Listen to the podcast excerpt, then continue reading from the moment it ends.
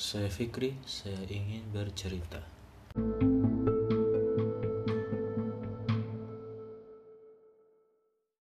Oke. Assalamualaikum warahmatullahi wabarakatuh.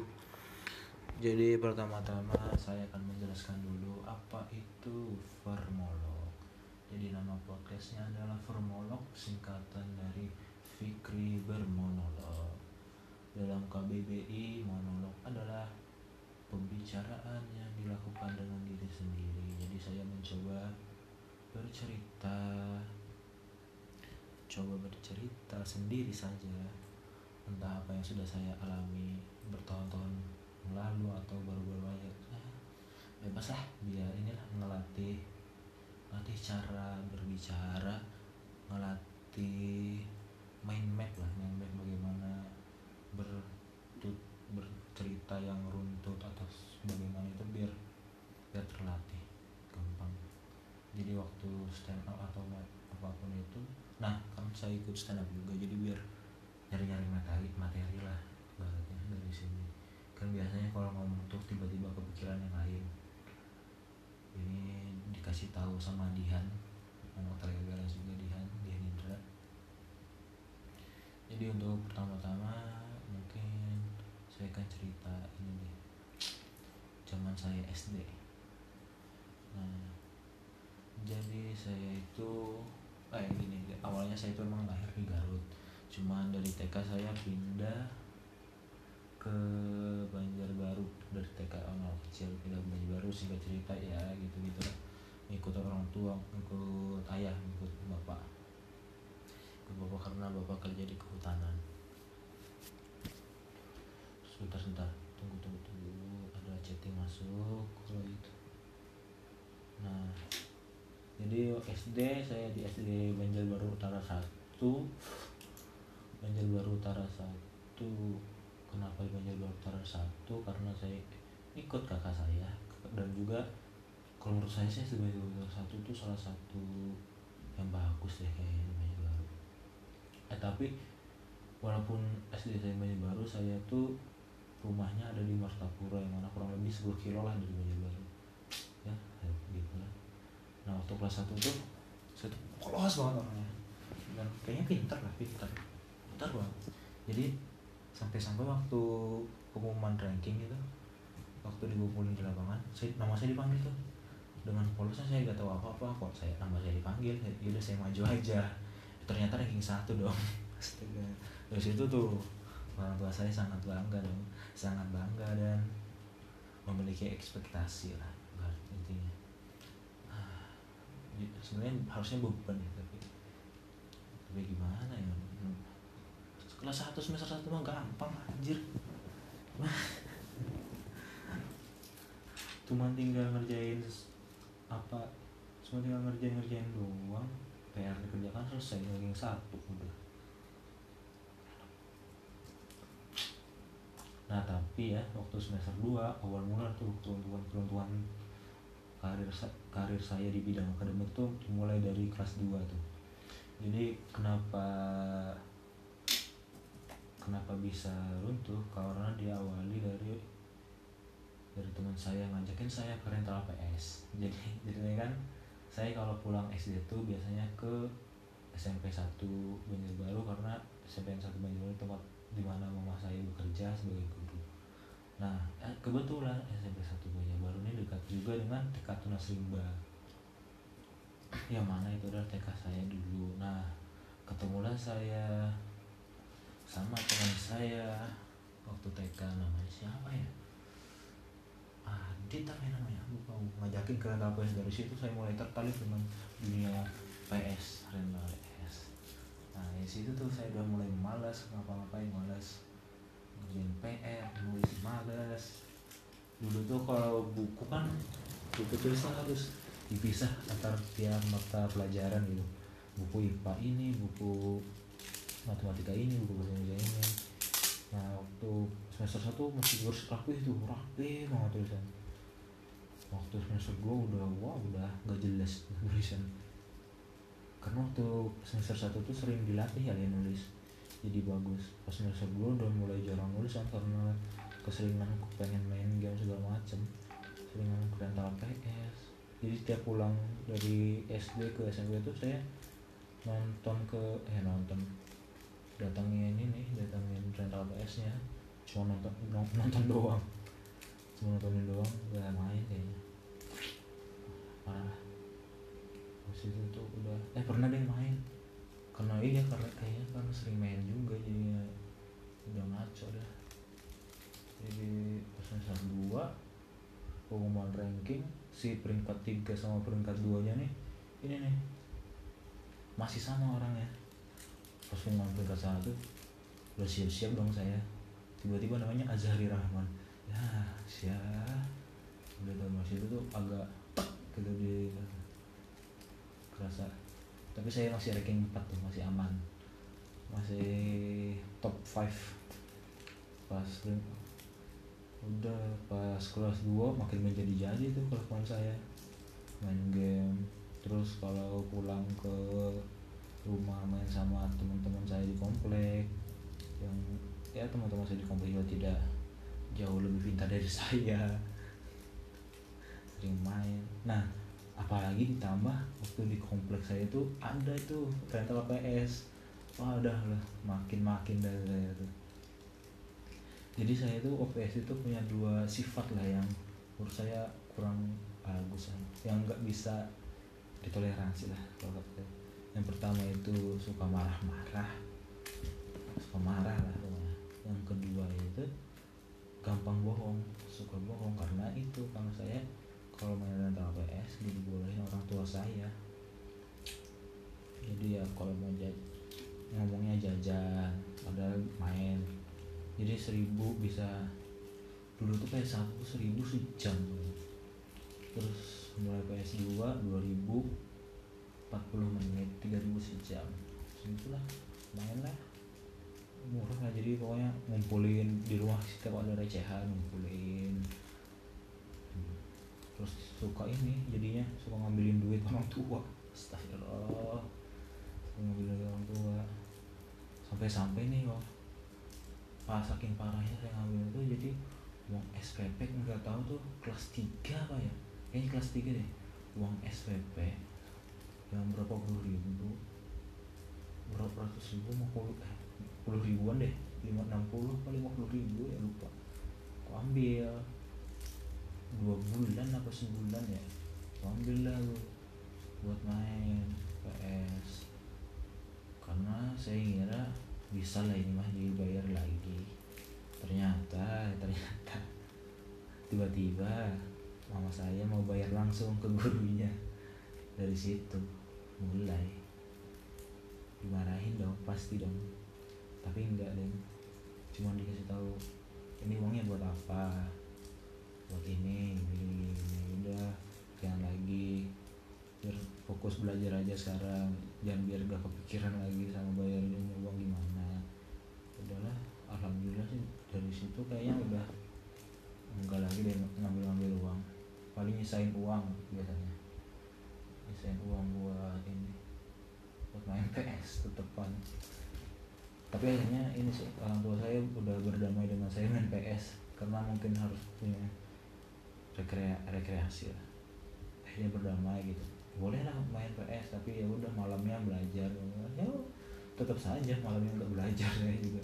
Karena dulu tuh ini ingat dulu zaman zamannya ini ya Trans TV tuh apa nama extravaganza nah itu sering nonton itu tuh. Soalnya seru. Soalnya seru aja extravaganza kayak jadi pulang sekolah saya main sama teman-teman saya entah itu main bola atau main apa. Terus malamnya nonton extravaganza jadi gak ada waktu belajar. Gak ada gak belajar sama gak ngerjain PR nah ini gak ngerjain PR jadi kenapa ranking saya turun tuh bukan karena saya ulangan tuh jelek ya. Saya mah yakin yakin aja ulangan so-so lah. Masih tinggi tinggi aja 8 7 8 9 dapat kayaknya 8 9 cuman karena PR ini gak pernah saya kerjain jadi nilainya turun banget. Nah pas pokoknya gitulah. Jadi turun tuh karena ini kenapa ya karena seenggak seenggak belajar belajarnya saya saya tuh masih ngerti deh kayaknya tuh dulu. Jadi makanya enggak ini udah parah parah amat rankingnya tapi kan orang tua saya punya ekspektasi yang tinggi ya sampai ada pernah kelas berapa gitu lupa. Teman saya bahagia kan. Ini kenapa bahagia banget itu wah alhamdulillah alhamdulillah ya Allah gitu, sampai gitu banget pokoknya. Saya lihatin nilainya. Kok ya di bawah saya dong pas ini jelek lah ini kata terus ketemu orang tuanya ketemu mamanya kan. Mah nih mas saya naik kelas ya ampun dia dengan naik kelas aja dia tuh bisa bahagia gitu. Mah saya ketemu bapak saya dong dimarah-marahin astagfirullah. Hmm ranking kok nilai G banget jelek banget bla bla bla bla bla terus sampai tuh ketemu sama teman saya bapak saya tuh fake ranking berapa fake wah fake mah rankingnya udah di pojok kelas katanya kata bapak saya. Tuh ya Allah kata perasaan yang lain tuh naik kelas aja udah bahagia kayaknya kayak dari situ tuh udah ah, lupa kelas berapa lupa. Kelas 4 kelas berapa itu ya. Balik lagi ya ke kelas lagi deh. Jadi kelas saya itu gak pernah ganti selama enam tahun. Jadi kelas kelas B namanya kelas B. Udah ganti selama enam tahun. Jadi udah kenal lah orang-orangnya. Nah di kelas saya tuh punya ini kayaknya punya kasta-kasta gitu yang mana ditemenin mana yang enggak tuh punya lah. Jadi yang pertama kalau laki-laki nih kalau cewek-cewek kan nggak tahu saya. Kalau yang laki-laki itu yang pintar terus yang ganteng ganteng ganteng atau populer lah. Terus yang kaya sama yang jago main bola. Nah itu. Empat ini ini tuh sangat menentukan. Empat skill ini tuh sangat menentukan jadi kalau misalnya pinter nih pasti ditemenin dah. Ditemenin pasti dideketin entah dibuat kerjaan PR atau atau buat dicontekin gitu. Sampai teman saya itu yang pinter ya so-so lah pinternya nggak pinter-pinter banget lah. Ditemenin sama yang kaya. Nah si yang pinter ini tuh sering dipinjemin HP sama teman saya yang kaya ini buat main game. Nah itu pokoknya. Dia jadi barternya waktu ujian waktu PR tuh si yang kaya ini ngeliat yang si yang pinter. Wah gue keren gue gila gila simbiosis mutualisme. Keren keren. Terus yang kaya ya pokok udah kaya mah pasti udah ditemenin. Yang punya HP dari kelas 2 eh udah punya HP tuh dari kelas 2 saya selama SD tidak pernah punya HP dan punya HP itu kelas 1 SMP itu juga pertengah pertengahan semester pertama karena ada kerja kelompok jadinya saya harus punya HP terus kaya lagi ganteng atau populer? Nah ganteng atau populer ini dimiliki rata-rata sebagian besar dimiliki oleh orang yang kaya. Nggak tahu udah kenapa. Nggak tahu nih kenapa nih yang ganteng-ganteng ini biasanya kaya juga gitu. Kalau di kelas saya ya. Seingat gue gitu sih. Iya gak ya? Iya nih kayaknya. Iya kayaknya tuh yang ganteng-ganteng tuh yang kaya juga. Terus yang suka yang jago main bola wah main bola ini dulu sangat ini sangat krusial. Jadi kan di SD saya itu cuma ada dua kelas kelas A sama kelas B. Nah kelas A nih ya Allah sangar sangar orangnya. Yang kelas B yang sangar tuh cewek-ceweknya gede-gede badannya. Yang B ini cowok-cowoknya ya itu. Jadi makanya kalau dia jago main bola tuh diandalkan saat berhadapan dengan kelas A gitu. Nah apabila si empat faktor ini tuh tiga tiga faktor dari empat faktor yang bisa dimiliki satu orang tuh dia memiliki kasta yang tinggi. Betul. Apabila dia ganteng bisa main bola dan kaya udah tuh pasti banyak teman tidak mungkin tidak karena saya ini bisa cuman bisa di kayaknya medium lah. Kaya enggak sudah pasti tidak. Ganteng hmm, saya meragukan itu. Terus dulu ya dulu kalau sekarang sih ganteng dong. Insya Allah. Kalau SD kayaknya enggak lah ganteng. Terus pintar nah saya itu ini underdog hitungannya. Saya karena saya pernah pintar terus turun jadinya udah keluar dari peringkat 10 udah tengahan lah udah di rapot tuh udah gak ditulis lagi nama tulisan peringkatnya tuh gak ditulis lagi tuh. Terus main bola oh enggak jadinya saya tuh jadi karena ini tuh saya langsung berteman dengan teman-teman yang memiliki uh, inilah apa sih? Skill skill lagi. Memiliki fitur yang sama. Jadi teman itu sama yang bawah-bawah lah pokoknya. Yang menengah ke bawah. Astaga. Nggak tahu ya gimana perasaan teman-teman saya yang udah ya nggak kaya mukanya uh terus nggak bisa main bola nggak pinter lagi astaga tuh. Kalau masalah pinter mah saya masih bisa saya kejar lah pokoknya. Saya dulu tuh waktu kelas 3 kan ini disuruh menghafal tuh. Disuruh menghafal perkalian sama pembagian. Saya mah hafal lah itu diajari mama saya caranya mama saya ngajar itu bagus lah pokoknya. Hafal pokoknya semalam aja udah hafal lah pas besoknya kan dites ditanyain pokoknya ada 10 pertanyaan ditanyain sama guru saya. Oh udah sepuluhnya lolos semua ya. Teman saya yang sama sekali. Wah nggak pintar tuh. Dia apa yang ngeliatin di ngeliatin langit-langit? Hmm, diam ditanyain. 42 bagi 6 diam Maya dua kali delapan diam Maya udah bingung tuh. Nah pas ini gitu. Pas tinggal dihafalin loh ya. Dari situ sombong saya sombong di situ. Kasihan pokoknya gimana ya perasaan mereka nih? Dijauhi dari pergaulan. Nah biasanya tuh kalau disuruh bikin bikin kelompok gitu tuh dijauhi tuh. Mereka tuh jadi jadi pilihan-pilihan terakhir juga aduh kasihan sih. Pokoknya di SD tuh gak tau kenapa ya. Kalau bikin kelompok tuh disuruh milih sendiri terus tuh gak, gak mau random. Aduh fuck lah. Nah jadi lanjut nih.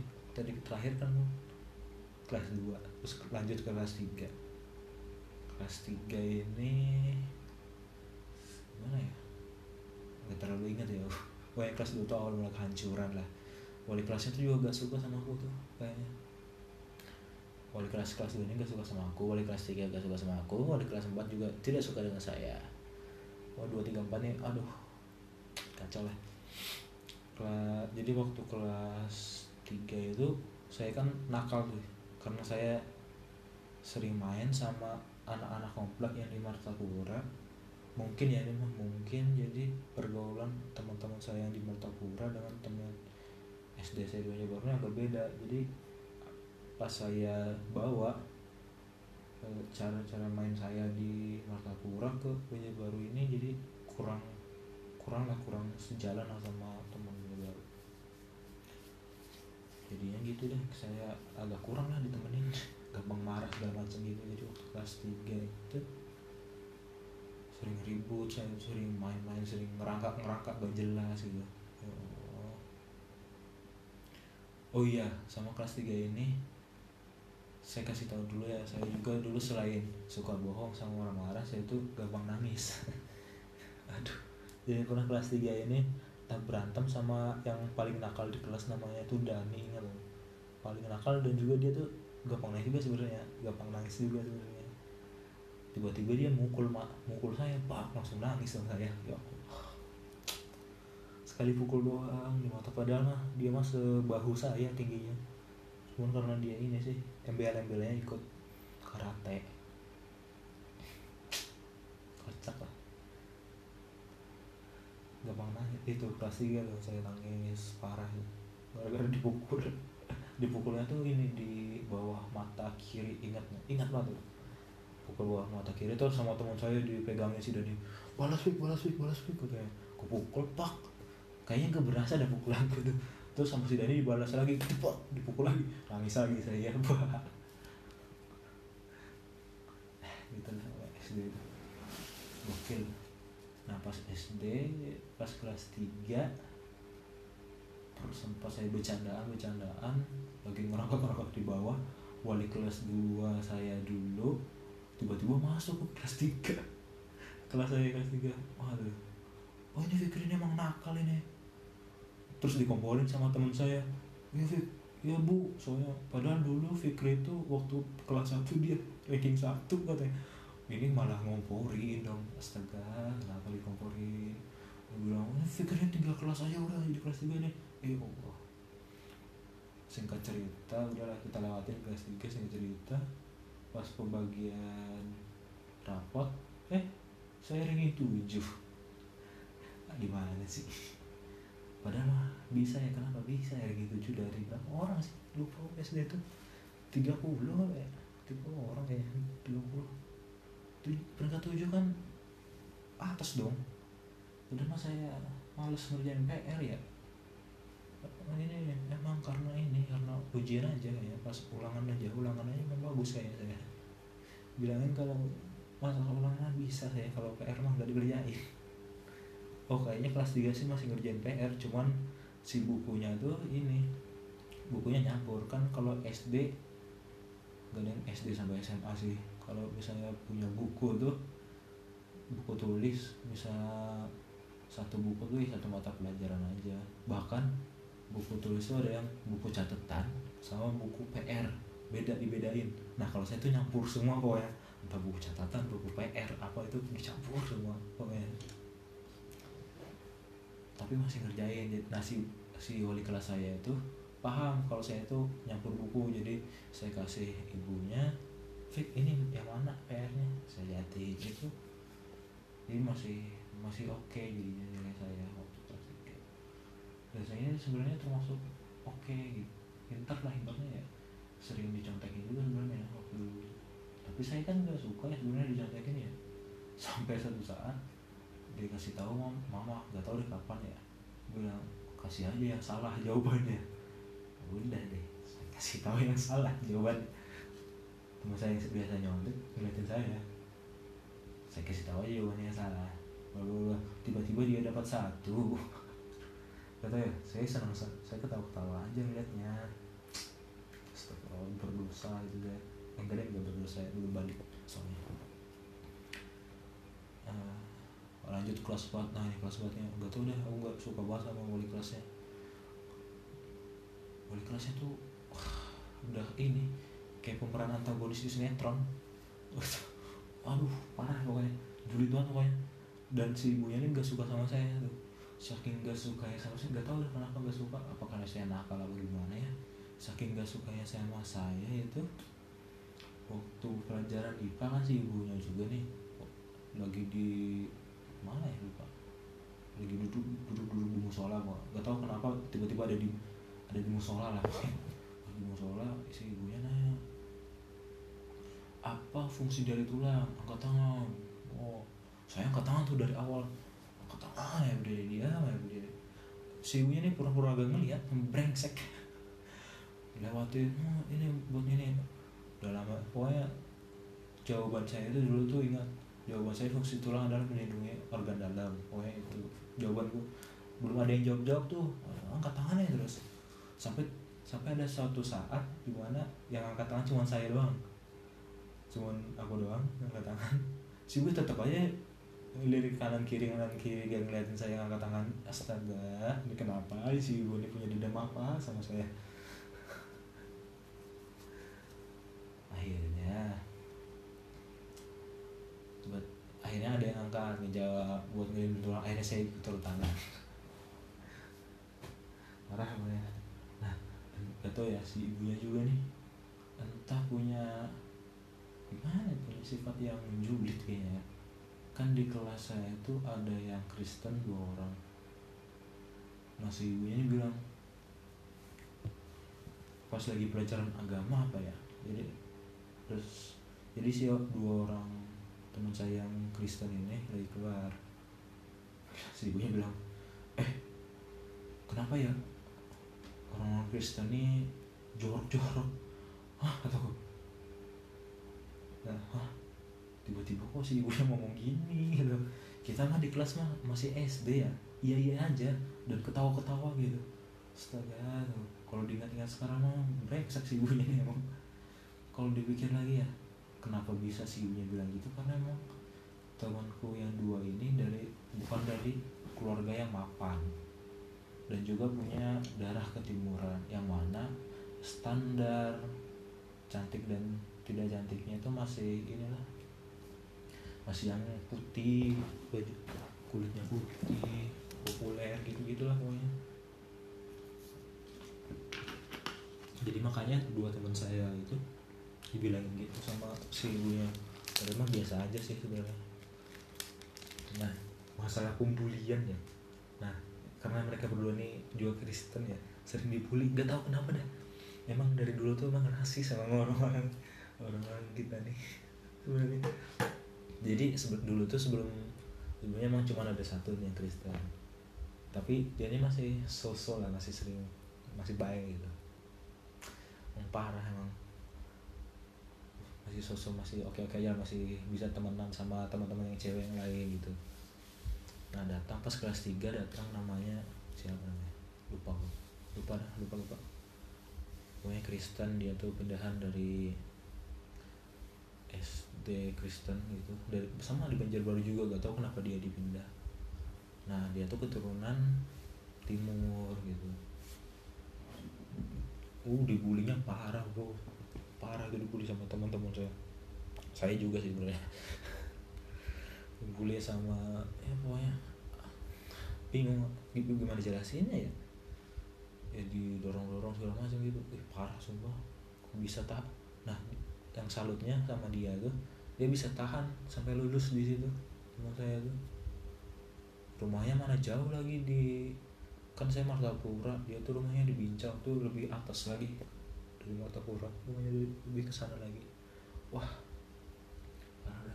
sampai sampai sering yang ngebully sering dibully tuh pas kelas 5 si Mari si teman saya ini sama yang yang ini nih dibully dorong dorong pokoknya sam, di kepalanya ditaruh ember apa ya lupa pokoknya. Parah pokoknya sampai dia nangis. Akhirnya besoknya tuh bapaknya datang bapaknya datang. Orang kayak orang timur perawakan orang timur. Datang.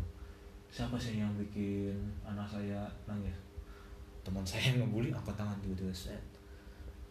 Berani dan mukanya tuh kalau saya angkat tangan ya oh tiba-tiba si bapaknya teman saya yang dibully kamu ya? Oh singkat cerita bla bla bla bla bla bla. Jangan sampai saya ngebunuh orang lagi uh langsung dalam hati. Oh oh kenapa tiba-tiba membawa ini bawa catatan sipil dong? Bawa catatan kriminal ke anak SD gimana ya ceritanya kaget dong. Tapi tetap ya tetap gitu lah emang SD tuh anak SD tuh gampang ngebully dulu tuh. Sempet ada juga nih waktu kelas 3 ada juga dia cewek pindahan juga datang. Nah di mulutnya ini tuh di bagian bibir bawahnya tuh ada hitam-hitam gitu. Nggak tahu tuh karena apa gitu apa karena luka atau gimana. Dibully sama teman-teman cowok lu ini dasar mulut gosong mulut gosong gitu. Ya mulutnya emang gak kejaga emang orang anak SD itu ya. Dan ditambah lagi dia waktu kapan hari itu beberapa minggu kemudian dia tuh rambutnya dibotak. Gak tahu kenapa deh. biasanya dia dijilbabkan terus dibotak rambutnya. Kenapa lagi ini orang malah minta untuk dibully gitu ya. Uh, dibully? Dibully mulu sampai sering saking seringnya dibully ya. Waktu semester 2 dia pindah. Parah banget. Ah, kasihan. Emang. lanjut ke kelas 4 nah kelas 4 pokoknya udah udah saya lewatin lah nah waktu kelas 5 ini kebangkitan saya mulai kembali. Mungkin karena saya udah disunat kali.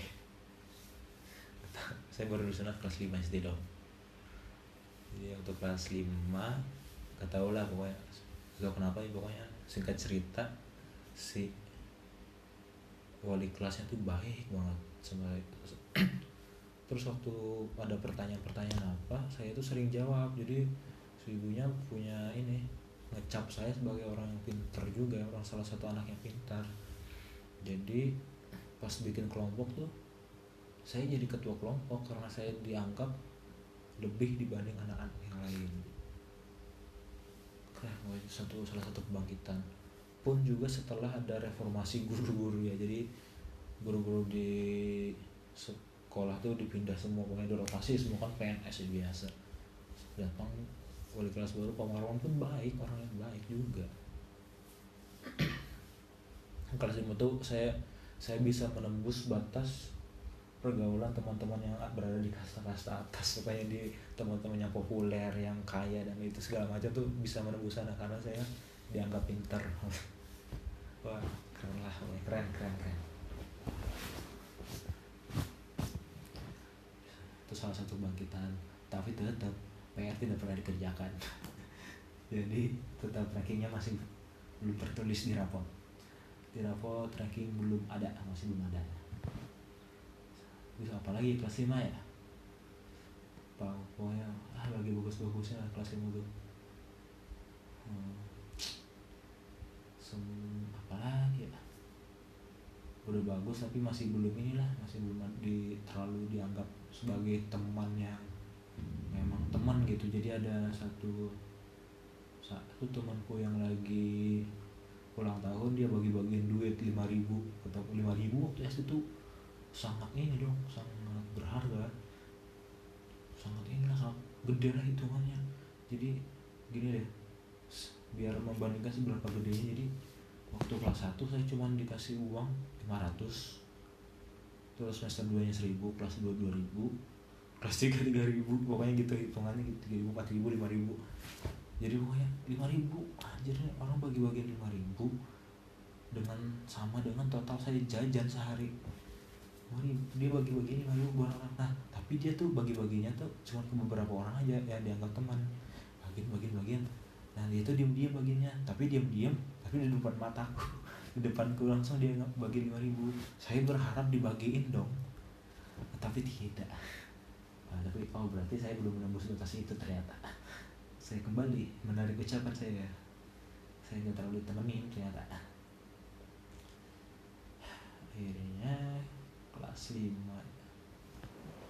oh, kelas 5 ini juga pertama kalinya saya datang ke rumah teman buat kerja kelompok.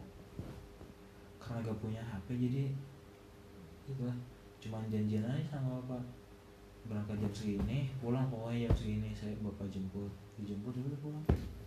Karena itu juga mungkin gak terlalu temenin ya karena apa nih datang paling awal pulang paling awal juga. Jadi nggak yang kerja kelompoknya nggak ini nggak bener juga.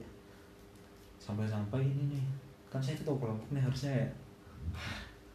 Ada satu masa di mana disuruh bikin apa ya dari pot ya dari ini kan pot deh tempat cat yang gede di semen terus dikasih tiang buat gawang-gawang ini gitu lah ada kerja kelompok gitu akhirnya kan kerjanya di rumah teman saya yang kaya ya. Nggak bisa tuh aku gak bisa datang karena apa ya sakit atau gimana gitu. Sakit lah pokoknya sakit gak bisa datang. Dan aku gak bisa ngabarin mereka karena aku kan gak punya HP pas udah selesai tuh udah jadi nih si barangnya mana bahannya? Tiba-tiba nama ketuanya diganti. Astaga. Tiba-tiba namanya ketuanya diganti sama teman saya. Yang cewek. Nah teman saya yang cewek ini namanya siapa ya? Nadia. Namanya tuh Nadia. Sebenarnya tuh awalnya tuh dia tuh bukan ada di kelompok saya. Cuman ada di kelompok cuman mau masuk kelompok saya karena dia tuh pengen dekat sama teman saya yang kaya ini aduh aduh pokoknya dia sudah ber, saya sudah berbaik hati menerima dia tapi dia memboikot saya. Tiba-tiba dia apa namanya? Tiba-tiba dia ini jadi ketua. Eh kok ketuanya dia sih? Atau iya soalnya kamu kamu gak datang sih Fik ya ya Allah kan saya sakit dong. Saya tidak bisa berbuat apa-apa.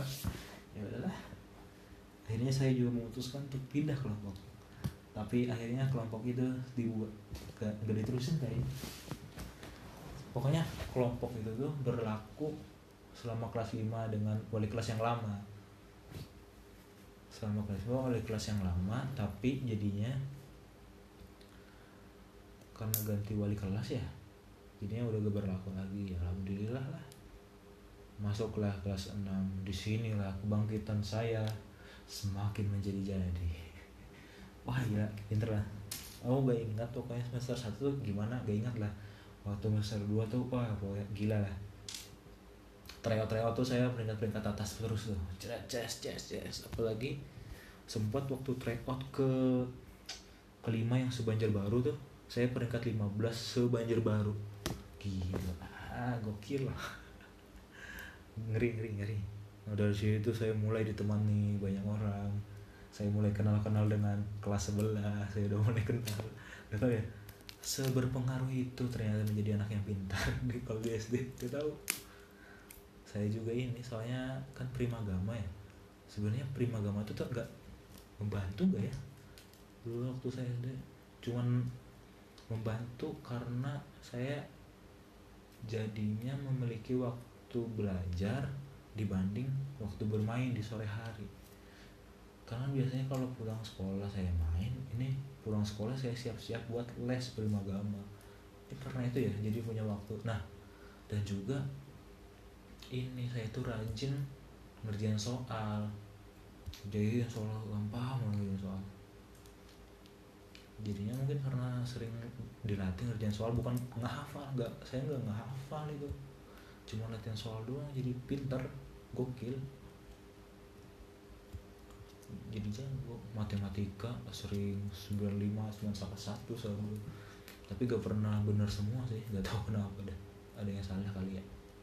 Oh iya sama soalnya saya ini kalau ngerjain soal itu sekali aja sekali aja. Soal udah gak pernah baca soal dari awal lagi. Kalau SD ya gak pernah membaca soal dari awal lagi gila lah yang pada akhirnya pada akhirnya waktu UN wah ada nih. UN satu teman gue nih gila dia tuh emang mana ya, cerdik lah pokoknya orangnya tuh. Eh kita bagi-bagi jawaban dong. Eh, bagi-bagi jawaban pokoknya gitu. Pokoknya dia tuh duduk paling belakang tapi satu baris sama aku. Kan dulu tuh paketnya A sama B doang. Jadi paket A tuh satu baris B satu baris gitu gitu lah nah dia tuh satu baris sama aku. Jadi waktu UN UAN UAN ya dulu tuh. Oh UAS BN kalau SD saya dulu UAS BN UAS BN dia paling belakang sering nanya. Nggak sering nanya sih beberapa kali nanya aku entah dia entah dia dapat jawaban dari mana we banyak banget dia jawaban dari mana. Sering entah dia uas BN atau uasnya tuh sering nanya pokoknya dia. Dapat jawaban dapat jawaban dari berbagai sumber. Singkat cerita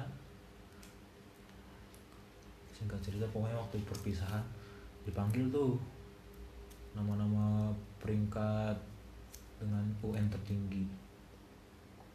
Padahal ya saya itu pas kan kalau perpisahan tuh ada namanya paduan suara. Nah paduan suara itu diikuti seluruh kelas 6 seluruh kelas 6 tuh nyanyi pokoknya. Tetapi saya karena nggak tahu ya karena mama atau sama bapak saya bilang udah di rumah aja lah udah nggak ngapa-ngapain di sekolah. Ya udah dong saya nggak ke sekolah nggak ke sekolah pokoknya. Main ya main di rumah aja. Padahal di sekolah itu latihan padus latihan padus suara. Jadi pas saya saya ikut cuma latihan pertama aja tuh latihan pertama kedua aja. Pas saya datang pas latihan selanjutnya nih karena saya kelamaan di rumah pas saya datang eh kok yang dinyanyiin beda ini kenapa ini? Akhirnya saya memutuskan untuk tidak ikut padus bersama dengan teman-teman saya yang berada di peringkat-peringkat bawah yang berada di kasta-kasta bawah. Yang dulu. Yang teman-teman dulu lah pokoknya. Itu itu juga orangnya tuh yang gak ikut aduh tuh orang-orang yang udah dekat yang di kasta bawah lah pokoknya, pokoknya itulah. Nafas perpisahan itu juga dibilang ini dipanggil anak-anak yang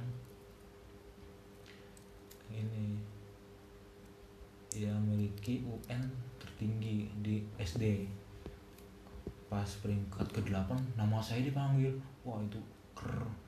Saya udah takut tuh kalau gak ada orang tua saya datang. Karena kan cuman acara perpisahannya gak ada embel-embel untuk dipanggil UN tertinggi.